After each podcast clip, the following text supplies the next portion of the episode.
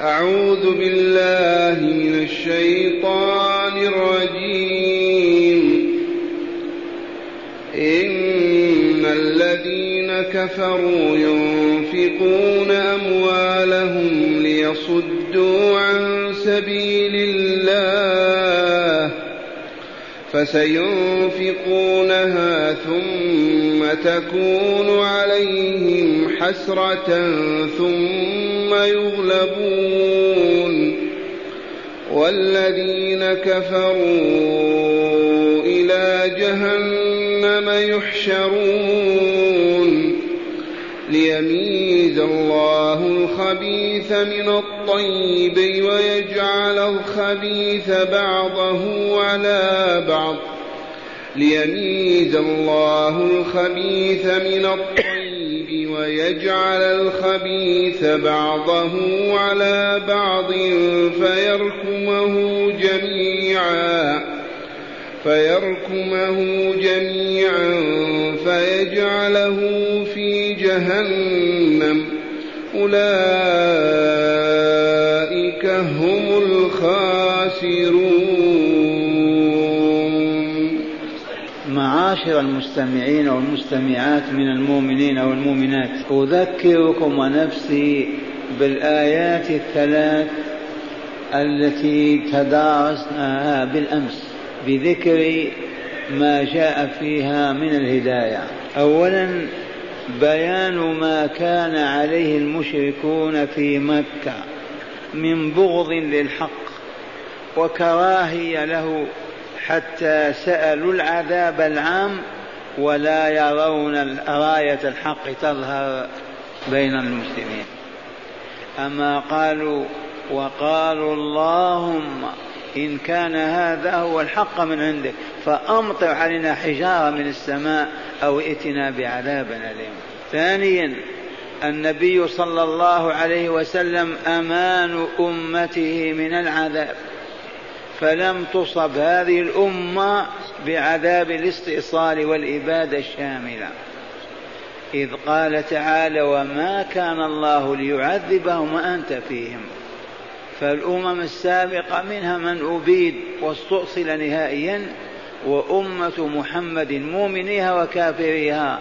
من استجابوا من لم يستجيبوا ما أصيبوا بعذاب الإبادة والاستئصال. وذلك لأن الرسول صلى الله عليه وسلم كان أمانا لهم. من جعله أمانا؟ الله ربنا وربه ثالثا فضيلة الاستغفار وأنه ينجي من عذاب الدنيا والآخرة. من أين أخذنا هذا؟ من قوله وما كان الله ليعذبهم وهم يستغفرون. وقلنا الأمان لنا هو الاستغفار. من زلت قدمه وسقط في معصية الله فالذي يجديه وينفعه أستغفر الله أستغفر الله أستغفر الله. وقد كان النبي صلى الله عليه وسلم يعلن أنه يتوب إلى الله ويستغفره في اليوم مئة مرة. فليكن لكم ورد الاستغفار على الأقل مئة مرة في اليوم والليلة. رابعا بيان عظم جرم من يصد عن المسجد الحرام للعبادة الشرعية فيه. وقد بينا أن الله أمن هذا المسجد وهذا من عهد رسول الله إلى اليوم. ما حكمهما كافر ولا تولى عليهم سلطان شاء فاجر ولا مشرك فحرم المؤمنين من العبادة فيهما. هذا بفضل الله عز وجل. من أين أخذنا هذا من الآيات؟ وما لهم ألا يعذبهم الله وهم يصدون عن المسجد الحرام. وهم يصدون عن المسجد الحرام. إذ كان المشركون يمنعون من يصلي حول الكعبة أو يطوف بها حتى فتحها الله على يد رسوله في السنة الثامنة وانتهت المشكلة. خامسا بيان أولياء الله تعالى والذين يحق لهم أن يلوا المسجد الحرام ويحكموا ويسودوا ألا وهم المتقون. أما الفجر فلا حق لهم بذلك. إذ قال تعالى إن أولياؤه إلا المتقون لا غيرهم. سواء قلنا أولياء الله أولياء المسجد لا بد من أن أن يكونوا متقين.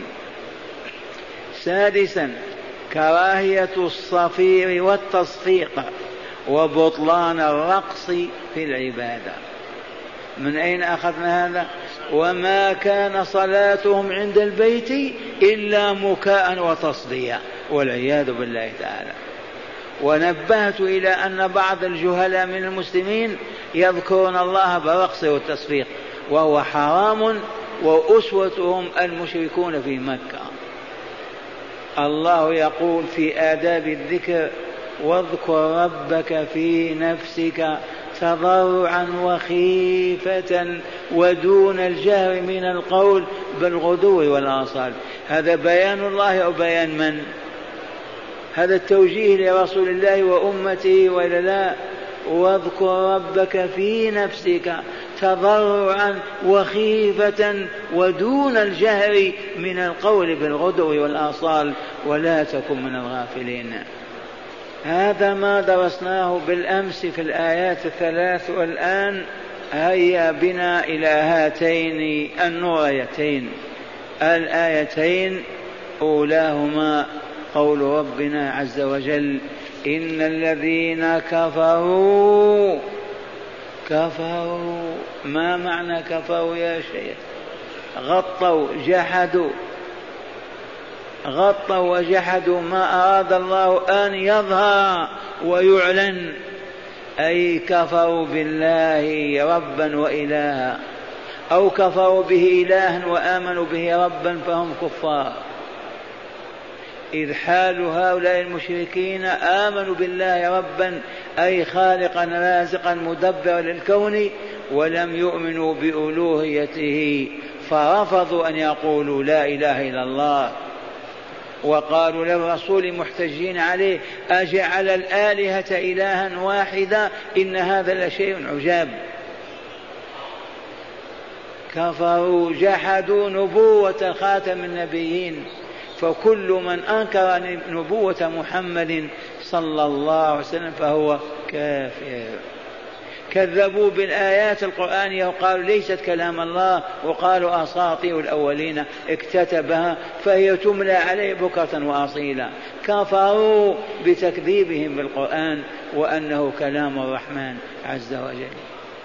إنكارهم تكذيبهم بالبعث الآخر والحياة الآخرة وما يجري فيها من حساب وجزاء. ذلكم هو الكفر والعياذ بالله. وكل من كذب الله ورسوله في شيء أمر الله بالإيمان به فهو كافر. غطى الحق وستره ولم يعترف به. هذا كلام الله. لو تكذب بآية واحدة اعتبرت كافرا عند الله وعند أوليائه وسائر المؤمنين. لكن المراد من الكفار هنا جماعة أبي جهل وعقب بن معيط والنضر بن الحارث طغاة مكة. لنستمع. إن الذين كفروا ينفقون أموالهم من أجل ماذا ليصدوا عن سبيل الله أي ليصرفوا عن الإسلام من أراده ودخل فيه. فينف فسينفقونها ثم تكون عليهم حسرة ثم يغلبون. أذكروا وأذكر الناسين وأعلم غير العالمين أن أبا سفيان رضي الله عنه أيام كان رئيس الجهل والكفرة في مكة. لما بلغه أن عيره قد نجت ولكن رسول الله وأصحابه يريدون قتاله بعث ضمضم إلى مكة وأمرهم أن يجمعوا رجالها وأموالها. وبالفعل وتمت معركة بدر التاريخية العظيمة وانهزم فيها المشركون وعلى رأسهم أبو سفيان. وكانت هزيمة مر عليهم. إذ قتل من رجالهم سبعون رجلا. وأسير منهم سبعون أسيرا. وأخذت أموالهم التي جاءوا بها. وأصبحت غنائم وزعت على المسلمين المجاهدين. عاد أبو سفيان بعد الهزيمة وأعلن التعبئة العامة وأعلن جمع الأموال للانتقام من محمد صلى الله عليه وسلم. وجمع لغزوة أحد أموال طائلة من الذهب والفضة. واستأجر ألفين بالأجرة للجهاد معه من الأحباش. وجاء إلى غزوة رسول الله بالمدينة برجاله. وانتهت المعركة بأنهم لم يظفروا بشيء. حقا وقعت هزيمة أثناء النهار. أما أول النهار كان النصر للمؤمنين. وكانت الغنائم وكانت الأسرى فلما اشتغل المؤمنون بالمادة وتركوا ما أوصاهم به رسول الله من الثبات على الجبل كانت هزيمة. ولكن هزيمة المشركين أعظم إذ أموالهم ضاعت ورجال ولم يستفيدوا بشيء. وعادوا كأن لم ينتصروا في شيء. هذه الأموال أنفقوها ضاعت وإلا لا باقوا متألمين. هيا المال الرجال الانتقام. وحزبوا الأحزاب بواسطة اليهود إخوانهم في الكفر والشرك وجاءوا إلى غزوة الخندق. بالآلاف. وطوقوا المنطقة. وثبت رسول الله صلى الله عليه وسلم وأصحابه خمسا وعشرين ليلة وهم في جبل سلع. وكانت الهزيمة نكرة ومرة. إذ أرسل الله تعالى عليهم ريحا ما رأت الدنيا مثيلها أو نظيرها. والله لقد كانت تقتلع الخيام وتقلب القدور. هكذا وتكفرها وما كان إلا أن عادوا منهزمين بعد ما فقدوا ما فقدوا من الأموال الآن اسمع إخبار الله تعالى في قوله إن الذين كفروا ينفقون أموالهم لماذا؟ ليصدوا عن سبيل الله حتى لا يعبد الله جل جلاله حتى لا يبقى الإسلام على الأرض. قال تعالى فسينفقونها. أنفقوها ولا لا؟ في المعارك الثلاثة فسينفقونها ثم تكون عليهم حسرة وندامة وكانت وإلا لا؟ هذا إخبار الله قبل أن يقع هذا الحدث. فستكون فسينفقونها ثم تكون لهم عليهم حسرة ثم يغلبون. ما غلبوا وانهزموا في كل المعارك مع رسول الله حتى الفتح.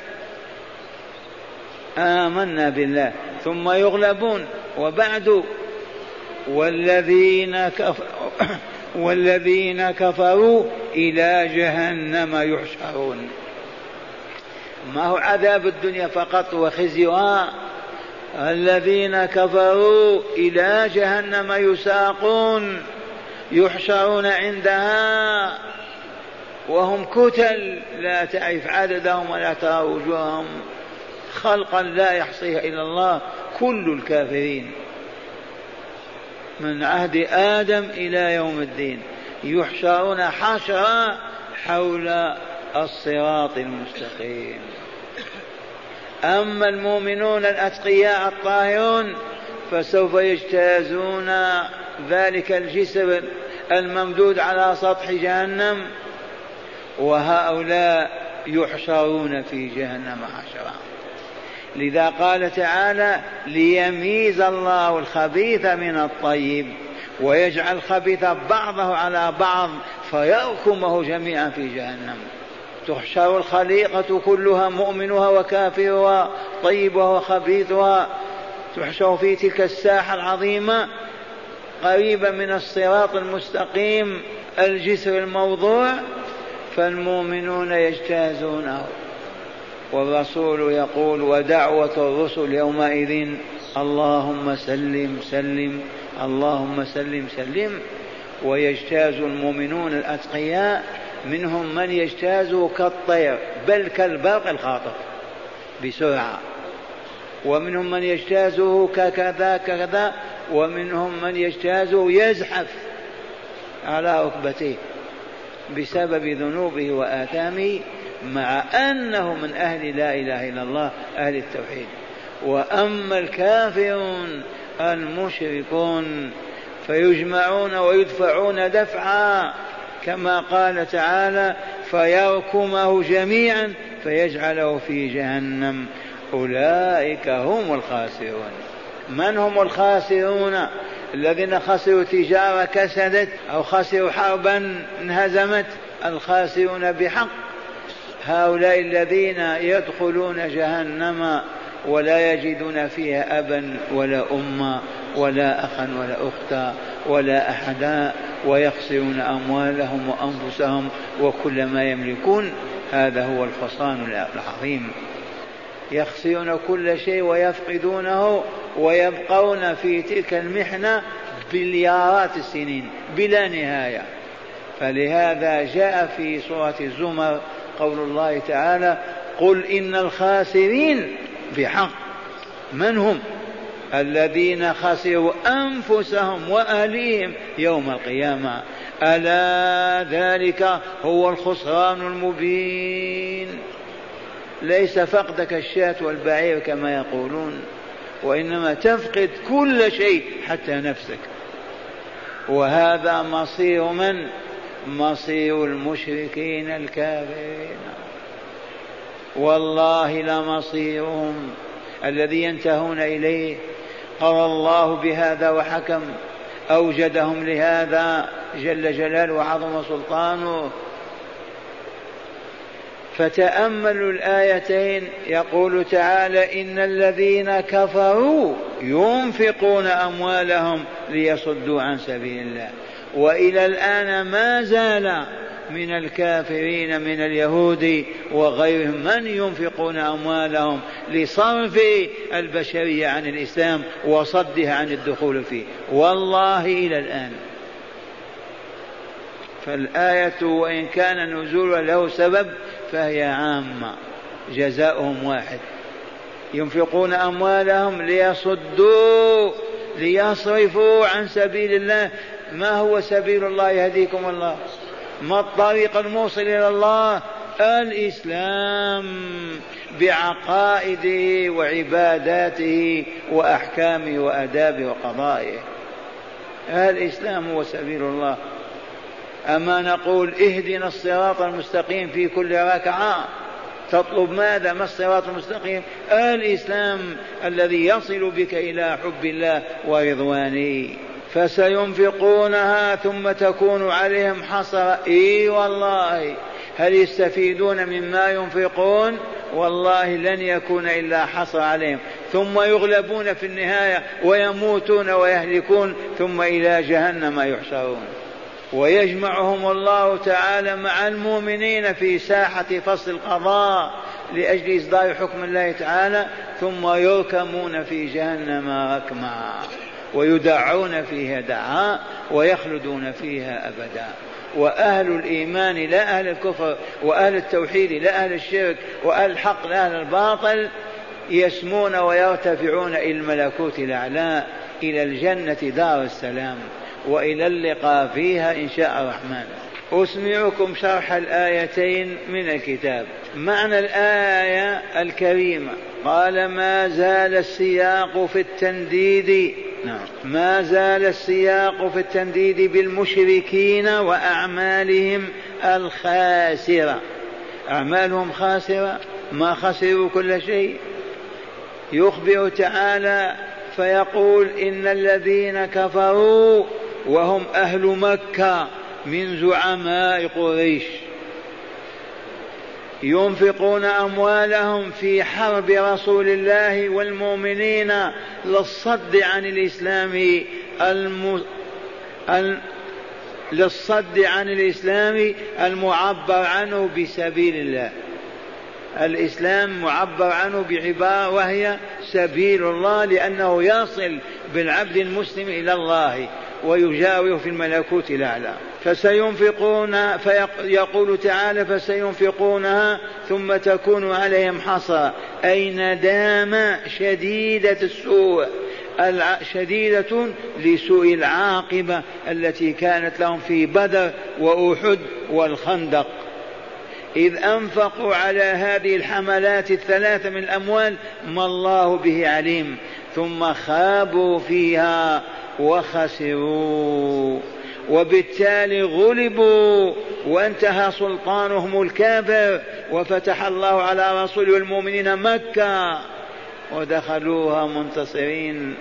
وقوله تعالى والذين كفروا أي من مات منهم على الكفر أما من أسلم قبل موته فلا يدخل في هذه الزمرة الكافرة. أي من مات منهم قبل من مات منهم على الكفر إلى جهنم يحشرون أي يجمعون. وعلة هذا الجمع أن يميز الله تعالى الخبيث من الطيب. فالطيبون وهم المؤمنون الصالحون يعبرون الصراط إلى الجنة دار النعيم. وأما الخبيث أو الخبث وهم فريق المشركين فيحصل بعضهم إلى بعض فيجعل بعضهم إلى بعض فيركمه جميعا كوما واحدا فيجعله في جهنم. وقوله تعالى أولئك هم الخاسرون. إشارة إلى الذين أنفقوا أموالهم للصد عن سبيل الله وماتوا على الكفر فحشروا إلى جهنم وجعل بعضهم إلى بعض ثم صيروا كوما واحدا ثم جعلوا في نار جهنم. هؤلاء هم الخاسرون بحق حيث خسروا أنفسهم وأموالهم وأهليهم وكل ما وكل شيء وكل شيء وأمسوا في قعر جهنم مبلسين والعياذ بالله من الخسران المبين. أسمعكم الآيتين مرة ثانية. إن الذين كفروا ينفقون أموالهم ليصدوا عن سبيل الله فسينفقونها ثم تكون عليهم حسرة ثم يغلبون. والذين كفروا إلى جهنم يحشرون ليميز الله الخبيث من الطيب ويجعل الخبيث بعضه على بعض فيركمه جميعا في جهنم. أولئك هم الخاسرون لا غيرهم. إن شاء الله فهمتم كلام الله. أرأيتم لو كنت لو كنا كل ليلة ندرس كتاب الله طول حياتنا كيف نصبح؟ كالملائكة. لكن حرمون من هذا. قالوا تفسير القرآن صواب خطأ وخطأ كفر ماذا نصنع بالقرآن إذن؟ أقرأوا على الموتى. هذا هو الواقع المرير. ألف سنة تقريبا. اقرأوا القرآن على الموتى. وبخوهم. والآن هيا ننظر ما في الآيتين من هداية نتأملها. قال من هداية الآيات أولا كل نفقة ينفقها العبد للصد عن سبيل الله بأي وجه من الوجوه تكون عليه حصرة عظيمة يوم القيامة. كل نفقة قلت أو كثرت مال طعام لباس دواء النصارى ما ينفقون الأدوية على الفقراء والمساكين. نفقة هذه ولا تكون عليهم حصى والله لتكون عليهم حصى يوم القيامة. لأنهم يفعلون هذا ليصدوا عن الإسلام وليدخل الناس في الكفر. وأمثالهم كثير حتى من المسلمين من ينفقون للجهل والتجهيل والعياذ بالله تعالى. إذا كل نفقة ينفقها العبد للصد. ما معنى الصد؟ يعني الصرف والإبعاد. للصد عن سبيل الله بأي وجه من الوجوه تكون عليه حسرة عظيمة يوم القيامة. ثانيا كل كافر خبيث وكل مؤمن طيب. من هم الأخباث الكفار؟ من الطيبون المؤمن قاعدة عامة كل كافر خبيث. مهما تنظف واغتسل وطاب و... والله لخبيث وكل مؤمن طيب ولو كانت عليه أدران وأوساخ. إذ العبرة بالروح لا بالبدن. ثالثا صدق وعد الله تعالى لرسوله والمؤمنين بهزيمة المشركين وغلبتهم وحصرتهم على ما أنفقوا في حرب الإسلام وضياع ذلك كله وخيبتهم فيه.